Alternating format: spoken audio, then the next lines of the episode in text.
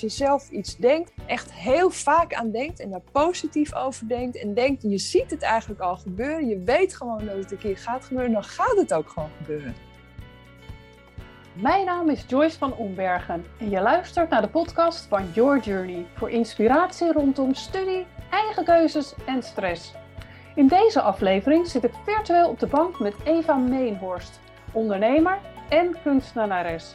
We gaan in gesprek over haar studiekeuze en haar stage- en werkervaringen in het buitenland.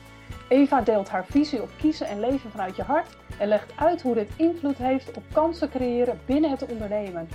Ze is het levende bewijs dat een voor veel mensen een beetje gekke combinatie van ondernemen en kunst maken heel goed mogelijk is. Ik zeg ga er maar weer lekker voor zitten of luister hem onderweg. En laat je inspireren door een creatieve duizendpoot die heilig gelooft in de kracht van het universum en altijd nieuwe kansen ziet. Veel luisterplezier! Goedemorgen Eva. Goedemorgen Joyce. Fantastisch dat ik met jou uh, in gesprek mag gaan over een hele gave combinatie. Ik denk heel, dat jij een heel inspirerend uh, verhaal voor jongeren hebt. Uh, dames en heren, Eva Meenhorst, een hele goede vriendin van mij. En ondernemer en kunstenaresse. Ja, gek hè? Past eigenlijk niet zo echt samen. Maar nee. ja, het bloed kruipt waar het niet gaan kan. Ja, ja, mooi. Ja, Eva, we hadden het natuurlijk in het voorgesprekje even over dat dat zo'n gekke combinatie is. Maar ja, dat is maar net hoe je er naar kijkt natuurlijk. Hè? Men zegt dat het een gekke combinatie is. Ja, ik geloof niet. Ik vind het een fantastische combinatie. Hoe kijk jij ernaar? Ja, nou weet je, ik eerlijk gezegd, uh, ik heb er nooit zo erg over nagedacht. Het, het kwam gewoon op mijn pad, weet je. Dus, uh, en ik vond het leuk, dus deed ik het. En of het nou in het hokje ondernemerschap valt of in het hokje kunst, dat, het maakt me gewoon niet zoveel uit. het kwam zo uit. Ik, ik ben begonnen met, uh, ik heb rechten gestudeerd en daarna verschillende uh, baantjes gehad, banen eigenlijk gehad. Uh, zowel bij advocatenkantoren in Cairo, maar ook als office manager bij bekende modeontwerpers. En toen, um, en toen dacht ik op een gegeven moment van, weet je, eigenlijk, ik kan gewoon, dit kan ik ook voor mezelf. En toen ben ik een werving- en selectiebureau gestart voor senioren in Nederland. Was, het was een van de eerste. En uh, ja, dat, dat, dat, ik ben eigenlijk maar met een mobiele telefoon en een computer begonnen. En het werd me eigenlijk meteen een succes. Dus uh, dat was natuurlijk heel erg leuk. En uh, dat, daar zag ik ook voor mezelf aan van, oh wacht, ik, dit kan ik gewoon helemaal alleen, zonder iemand erbij. En zonder financiële hulp, zonder andere hulp. En um, het was heel erg leuk om te doen. Het was met mensen omgaan. Uh, en ook maar voor mezelf ook leren alles van A tot Z te doen. Dus niet alleen uh, mensen interviewen en proberen te plaatsen. Maar het was ook de boekhouding. En het was ook um, uh, de lease van de auto. En het was ook rijden door het hele land. En, en toen mijn mobiele telefoon, ja, dat kan je nu niet voorstellen. Maar ik had een abonnement bij Ben. En die deed het alleen in Amsterdam. Dus dan had oh, ik gesprek in Enschede. ja. En ik kon gewoon, was ik niet bereikbaar, allemaal dat soort dingen. En uh, nou ja, in ieder geval, je snapt het, uh, oplossingen bedenken, gewoon uh, alles zelf doen. Heel veel van geleerd en ook gewoon echt um, ja, goed mee verdiend. En dat is heel erg leuk natuurlijk bij het ondernemen. Ja, fantastisch. ja, jouw eerste jaar was meteen al knallend succesvol, hè? Ja. ja. ja. Ja, en natuurlijk mooi dat je geen uh, overheadkosten had. En voor de luisteraars nee. die, die, niet weten wat dat is. Hè? Je had inderdaad alleen maar kosten aan die mobiele telefoon. Je kon vanuit je auto ja, en, huis en, werken.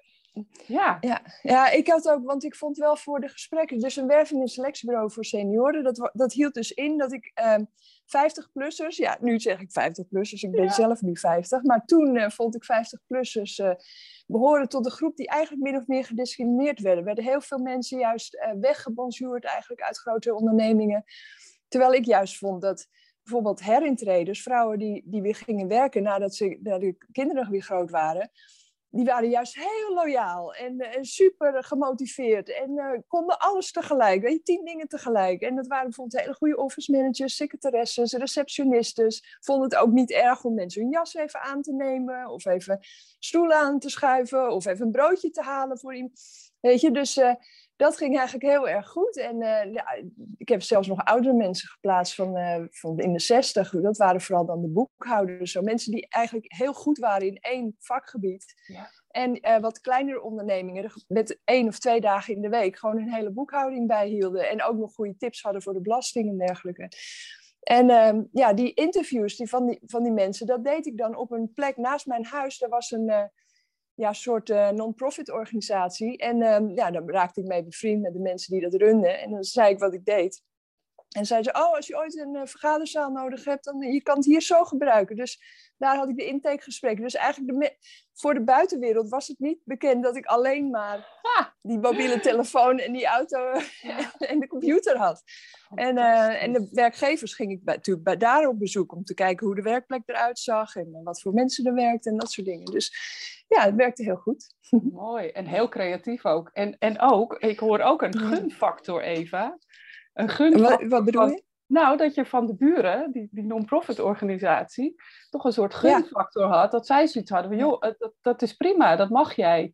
En ja, ja ik, ik, ken jou al een tijdje en ik weet dat, uh, ik noem hem bewust, mhm. want die gunfactor, die krijg je terecht. Want jij bent iemand, oh. hoe ik naar jou kijk, is uh, dat je echt iemand bent die ook heel erg kijkt in kansen voor anderen. Mensen met elkaar in verbinding bent, uh, altijd in kansen nadenkt, niet alleen voor jezelf, maar ook voor die ander.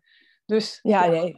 dat is juist ook. Ja, dan dus ja, dat is juist ook zo leuk. Ik, ik ben ooit begonnen na mijn, dus ik heb recht, Nederlands recht gestudeerd en islamitisch recht. En ik wilde eigenlijk juist um, mensen helpen met mijn studie, weet je. Dus daarom ging ik ook naar Egypte. Ik, ik heb um, twee jaar lang gewerkt voor een non-profit organisatie. Die hielp de Berbervrouwen, dus de vrouwen die in de woestijn werkten. Die maakten hele mooie kleden en uh, allemaal gewoven.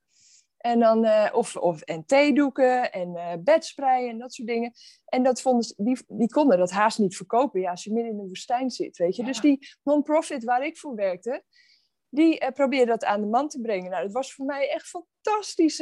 het was een stageplek, maar het was een super ervaring. Want ik dacht echt van, kijk, nou kan ik met mijn studie, kan ik andere mensen helpen. En ook nog vrouwen. En, ehm, ja. Mooi. Dus dat zou ik ook het liefste willen doen. Uiteindelijk uh, ja, is toch de pad helemaal de andere kant op gegaan. Maar ja, dat is wel gewoon heel erg leuk ja, om ook anderen te helpen. Ja, ik denk ook, nou ja, je krijgt het ook vaak weer terug, maar dat is niet de reden waarvoor ik het doe. Nee, maar daarom gebeurt het juist. Juist als je met die intentie van hè, gewoon, gewoon vanuit overvloed delen. Zoals uh, dat uh, wordt overvloed wordt steeds vaker genoemd en terecht. Want er is genoeg voor iedereen.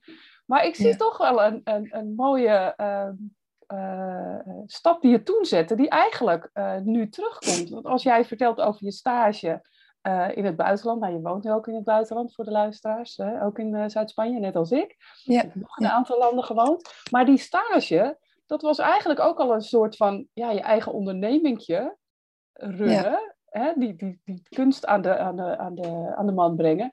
En daar zat ook dat kunstenaars, hè? Ja, inderdaad. al in. Dus eigenlijk zat daar al een soort voorbode voor wat je nu doet wellicht. Ja, nou misschien komt het ook wel, want ook mijn uh, werk heb ik dus ook in de mode gedaan. En uh, in de, ik heb er nooit zo over nagedacht, Joyce. Maar als ik nu kijk naar die, die kleden en die uh, bedspreien die die vrouwen maakten. Ik heb daar, daar heb ik dus blijkbaar iets mee. Ik vind het, ik, waarom maak ik nu kunst? Gewoon omdat ik dat leuk vind. Ik vind het leuk om iets heel moois te maken met mooie kleuren, dat het goed samenpast en dat het met andere dingen samenpast en zo. En dus ja, inderdaad, dat zat er toen al in, ja. Dat, dat is toen al in. Ja, en dat dan dingen gewoon weer terugkomen. En ja, ja dat je eigenlijk al je talenten en al je voorkeuren, ja, hoe ouder je wordt, uh, door heel erg naar je hart te luisteren, uh, ja. ja, dat, dat, dat eigenlijk zelf voor elkaar krijgt. Want daar geloof jij ook in, hè, Eva, dat als je hart volgt, uh, ja, en je eigen keuzes vooral maakt, dat je dit soort dingen voor elkaar kunt krijgen. Ja, ik denk echt, uh, nou ja, dat zei mijn vader altijd vroeger al, van als je iets doet met liefde, dan ziet het publiek het ook. Dus of je nou broodjes bakt, of dat je restaurants runt, of dat je advocaat bent, of dat je kunstenaar bent, weet je, als je iets met je hele hart doet, dan ziet degene die op zoek is naar broodjes of op zoek is naar legal advice, die ziet ook dat het gewoon met liefde is gemaakt en gedaan en met hart en ziel. Dus uh, ja, daar is een publiek voor. Dus daar kan je dan je brood mee verdienen. Zeer waarschijnlijk. Ja, mooi. Ja, in ieder geval een grote kans. Een grote kans, inderdaad. En hoe ziet dat eruit, Eva? Iets met liefde doen. Ja, um, ja, ik, ja dat vind ik wel moeilijk. Nou ja, gewoon je hart dus volgen. Nu, uh, je weet, ik heb heel lang, tijd lang nu als kunstenaar ook gewerkt. dat kwam eigenlijk omdat gewoon kinderen er kwamen er en was moeilijk voor mij om in het buitenland werk te vinden. Ik, werkte, ik woonde in Engeland en daarna in Turkije. En hele kleine kindjes om me heen. Ehm, en toen de jongste, de vierde, naar school ging, toen dacht ik, of naar de crash eigenlijk, toen had ik opeens ja, meer tijd. Maar ja, ook weer niet heel veel meer tijd, want ik moest natuurlijk eerst naar school brengen en dan weer ophalen. Dus ik had net zo vier, vijf uurtjes per dag. Dus uh, ik dacht, wat, wat ga ik nu doen? Want ik, na dat ondernemerschap van uh, Top Senior, van, van dat werving- en selectiebureau, dacht ik eigenlijk van, als ik eenmaal weer de kans krijg, dan ga ik weer uh, iets voor mezelf beginnen. Maar ja, toen was het uur daar. En wat ga je dan beginnen? En nou, ik wilde altijd al een mooie schilderij in de keuken. En uh, ik was, uh, ben fan van bepaalde kunstenaars, maar die, hun werk werd duurder en duurder. En toen uh, in Engeland, waar ik woonde, was een, een winkel waar ze hele grote canvassen, blanke canvassen verkochten. En ook verf. Dus ik had zoiets van, weet je, dit is gewoon geen excuus meer. Ga maar aan de slag, ga het maar eens doen. En ehm, nou, dus zo uh, begonnen. En de eerste werk uh, heb ik nog steeds, maar was echt waardeloos. Ik vond het helemaal niet goed. Maar de tweede was ik wel trots op. En um, ik dacht, ik was zo trots. Ik zet gewoon een fotootje voor familie en vrienden, weet je, op Facebook. Van uh, kijk even wat ik heb gemaakt. Wat vinden jullie ervan? Ik was ook benieuwd of ik de enige was die het mooi vond of niet. En, en toen kreeg ik al meteen van iemand die, nog, die ik nog kende uit Istanbul, van kan ik het niet kopen? En toen dacht ik, oh wacht, Weet je, als dit mijn tweede schilderij is en nu al iemand die daar geïnteresseerd is, dit ga ik gewoon doen. Dus uh, ja, van de ene op de andere dag uh, ben ik dus gaan schilderen. En uh, ja, eigenlijk, mijn dochter die vroeg nog een, van de week van hoeveel schilderijen denk je dat je verkocht hebt. Nou, echt heel veel. Ik natuurlijk heb er ook heel veel meer gemaakt die ik niet verkocht heb. Maar ja, zo werkt het met kunstenaar zijn. Uh, maar ik heb, nou, honden, ik heb toen geteld wel honderden. Tussen de ja, 100 en 170 70 of zo, ja. Ja, geweldig. Ja, en hier komt inderdaad de uitleg van iets met liefde doen. En je ging schilderen en dat grote canvas, dat was niet de intentie om dat nou meteen te gaan verkopen. Dat gebeurde nee. inderdaad. Nee, dat gebeurde gewoon. Ja, en daardoor word je dan weer op een nieuw pad gezet. En daar ben ik wel gevoelig voor. Als je iets tegenkomt, je komt nooit iets zomaar tegen, weet je. Dus, en het, het, um, het, het uh, wekt iets in je op wat, wat je leuk vindt, waar je trots op bent. Dan moet je daar wel aandacht aan besteden en kijken of je daar iets mee kan. Ja, ja. en wat zijn dat voor, hè? ik noem het altijd de, de, de signalen, de tekenen om ons heen. Kun jij concreet, nou, zo'n zo'n winkel naast je met zo'n die grote witte kant ja. dat kan zo teken ja, zijn? ik had echt zoiets van, kijk, nou, geen excuses. Dit is gewoon uh, ja, zo'n duidelijk teken, huppakee, gaan. Ja, ik, ben, ik, weet, ik weet niet zo goed de tekens. Het is zo persoonlijk, dat, dat, uh, dat zie je zelf. Dat, daar moet je ook voor openstaan om te zien. Um, en soms denk ik ook wel eens van, ja, is het nou wel echt een teken? Nou, maakt me ook niet uit. Ik ga het gewoon doen. Ik vind het leuk, weet je. Zo, klaar. Dus, ja. Uh, ja, ja, terecht. Ja, en, en ik ga vaak een stapje verder nog. Je kunt om tekenen vragen. Nou, daar heb ik oh, een andere, podcast over opgenomen, manifesteren. Dus uh, ja. je kunt echt om tekenen vragen. En zeker als je ja, twijfelt over uh, een bepaalde keuze van, goh, is dit inderdaad wel, uh, was dit wel een teken? Dan kan je bij wijze van spreken dat teken nog een keer vragen. Of een heel persoonlijk oh. teken bedenken. Jeetje. Maar uh, dat leg ik in een uh, andere podcast uit. En daar kunnen we het nog ja. over hebben. Maar dat is inderdaad uh, ja, de kracht van, van eigenlijk toch wel ja, je hart volgen, de flow volgen, manifesteren noemen ze dat tegenwoordig. ja, en daar ook echt die berichten, die, ja, het klinkt zo lullig, de universe insturen, maar daar geloof ik heilig in. Weet je, als je zelf iets denkt voor echt heel vaak aan denkt en daar positief over denkt en denkt, je ziet het eigenlijk al gebeuren, je weet gewoon dat het een keer gaat gebeuren, dan gaat het ook gewoon gebeuren. Ja, ja. ja. ja. Hier, dit, is hem, dit is hem precies, precies. Uh, het al zien en al voelen alsof het er al is. Ja. En dan het ook weer loslaten. Want als je vanuit de krant eraan vast gaat houden, nee, dan gaat het het niet worden. Nee. En nog even, laatst gaan we toch een klein stukje nog op dat manifesteren door. Op het moment dat je niet zegt, het universum luistert niet naar niet. Dus als jij zegt, ik wil geen, hè, het moet niet regenen vandaag. Oh ja. Je bent oh, dat. Ja. niet uh, luistert het universum oh, ja. Dus positief verwoord, maar je zei het net al. Positief ermee bezig blijven. En uh, ja. Ja, mooi. Hey, en Eva, eh, eh, je bent echt daarin natuurlijk een enorm uh, inspirerend voorbeeld van wat je allemaal kunt doen. Hè? Van ondernemen, een eigen werving- en selectiebureau, kunstenaressen, stage lopen in, in, nou ja, in ehm, Egypte, in allerlei landen wonen. naast hè, een gezin met vier kinderen, best druk en veel allemaal. Als jij nu terugkijkt naar jezelf, dat je echt nou, een klein meisje was, wist je toen, had je toen kunnen vermoeden dat je zo'n leven zou leiden? Had je bepaalde nee, dromen? Of... Ja, Nee, ik, uh, toen ik echt, uh, want dat, daar denk ik nu natuurlijk wel eens aan, want dat wordt me gewoon gevraagd door, uh, door mijn dochter, van hè, wat wilde jij worden vroeger en dat soort dingen. En ik weet alleen nog dat toen ik een jaar of zes, zeven was, wilde ik echt ballerina worden. Dat vond ik zo mooi met zo'n tutu en die, die pun, de, de punto's en zo'n pakje ja. aan. Ja. Spitsen heet dat, ja. En ehm, dus dat weet ik nog heel goed. En, maar daarna ehm, Nee, ik, ik, ik, dat, oh ja, dat wil ik eigenlijk wel nog meegeven. Want dat, doe, dat, wil ik, dat zie ik nu met mijn kinderen ook. Want kijk, eigenlijk heb ik gewoon de hele verkeerde studie gedaan, Joyce. Ik heb rechten gestudeerd, maar ik, ben, ik zit natuurlijk helemaal niet achter een bureau documenten door te nemen en te lezen en te studeren en te. Daar ben ik helemaal geen type voor.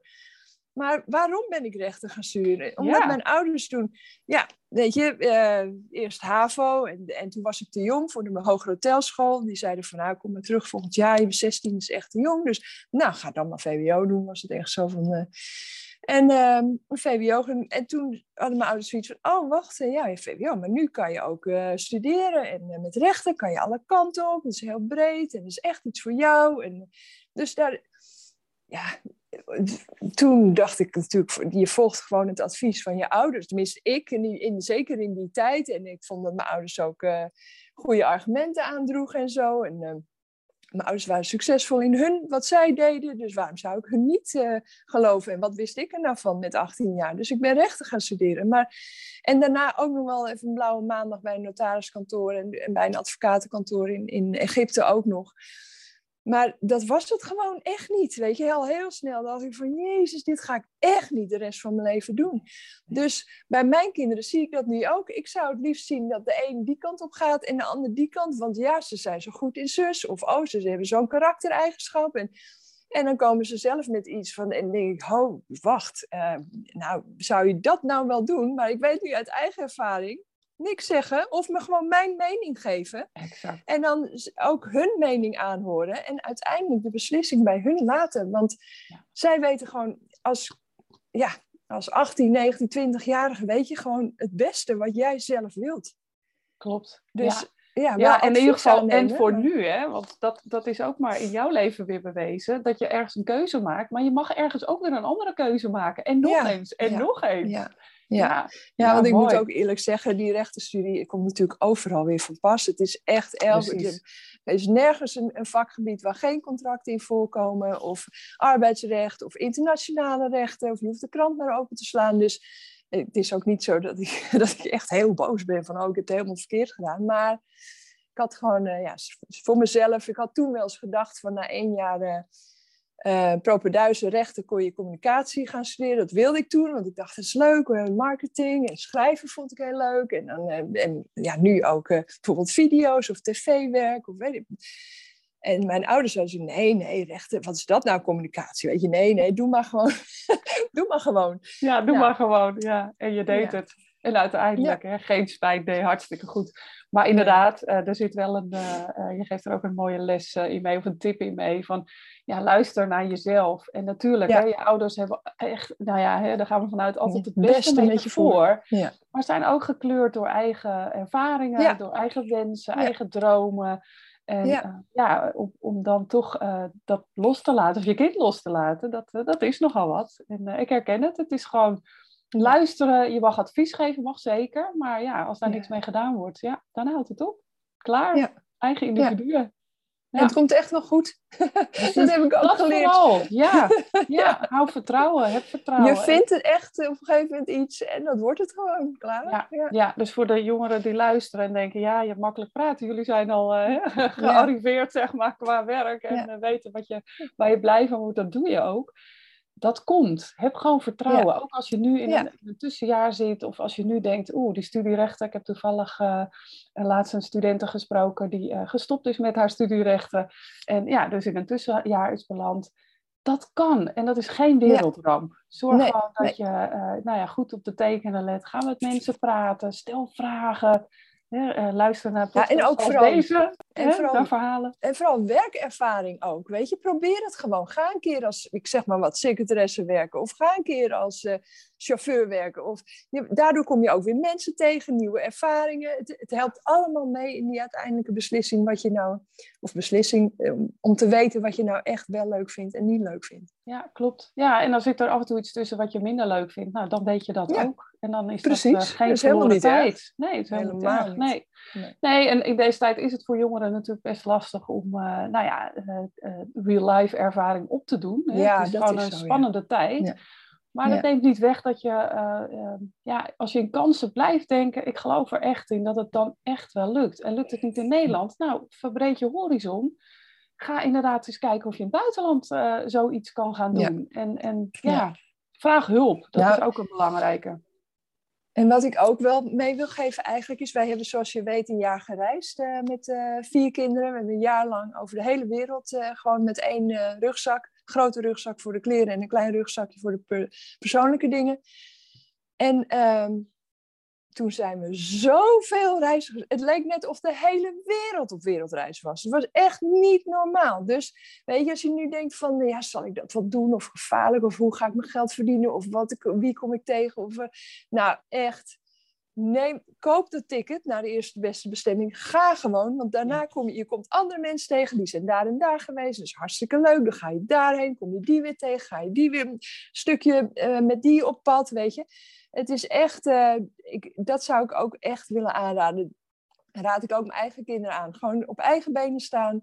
Kijken hoe de rest van de wereld eruit ziet. Vooral in deze tijden heel belangrijk om te zien wat er in, ook in de rest van de wereld gebeurt. Hoe andere mensen denken. Mensen met andere achtergrond. Het is gewoon super belangrijk voor de rest van je leven, denk ik. Ja, ja mooi en heel verrijkend. En uh, ja. ja ik, ik zie natuurlijk wat het jullie als gezin uh, gebracht heeft. Jullie zijn echt een, uh, ja. nou ja, een team, hè? zo noem je jullie ja. ook altijd. Hè? Het team, uh, het gezin. Ja. jullie kennen elkaar zo goed door dat reizen. En ja, er zullen natuurlijk best mensen zeggen, ja, maar dan mis je van alles qua school. En ja, in zo'n jaar leer je zo ontzettend veel. Dat kun je nooit op school leren. Ja. Joyce, wat, ik dacht gewoon van, nou, dan missen ze toch een jaar. Dan doen ze een jaar over. Wat is dat nou op een heel leven? Eén jaar, weet je. Ja. Maar uiteindelijk, ze kwamen terug en uh, ze pikten gewoon de draad op waar, waar, ze, waar de rest van hun uh, vriendjes en, uh, ook gebleven waren. En inderdaad, misschien hier en daar wat bijspijken, maar ze hadden echt zoveel meer geleerd dan ze ooit in dat ene jaar op school hadden kunnen leren. Dus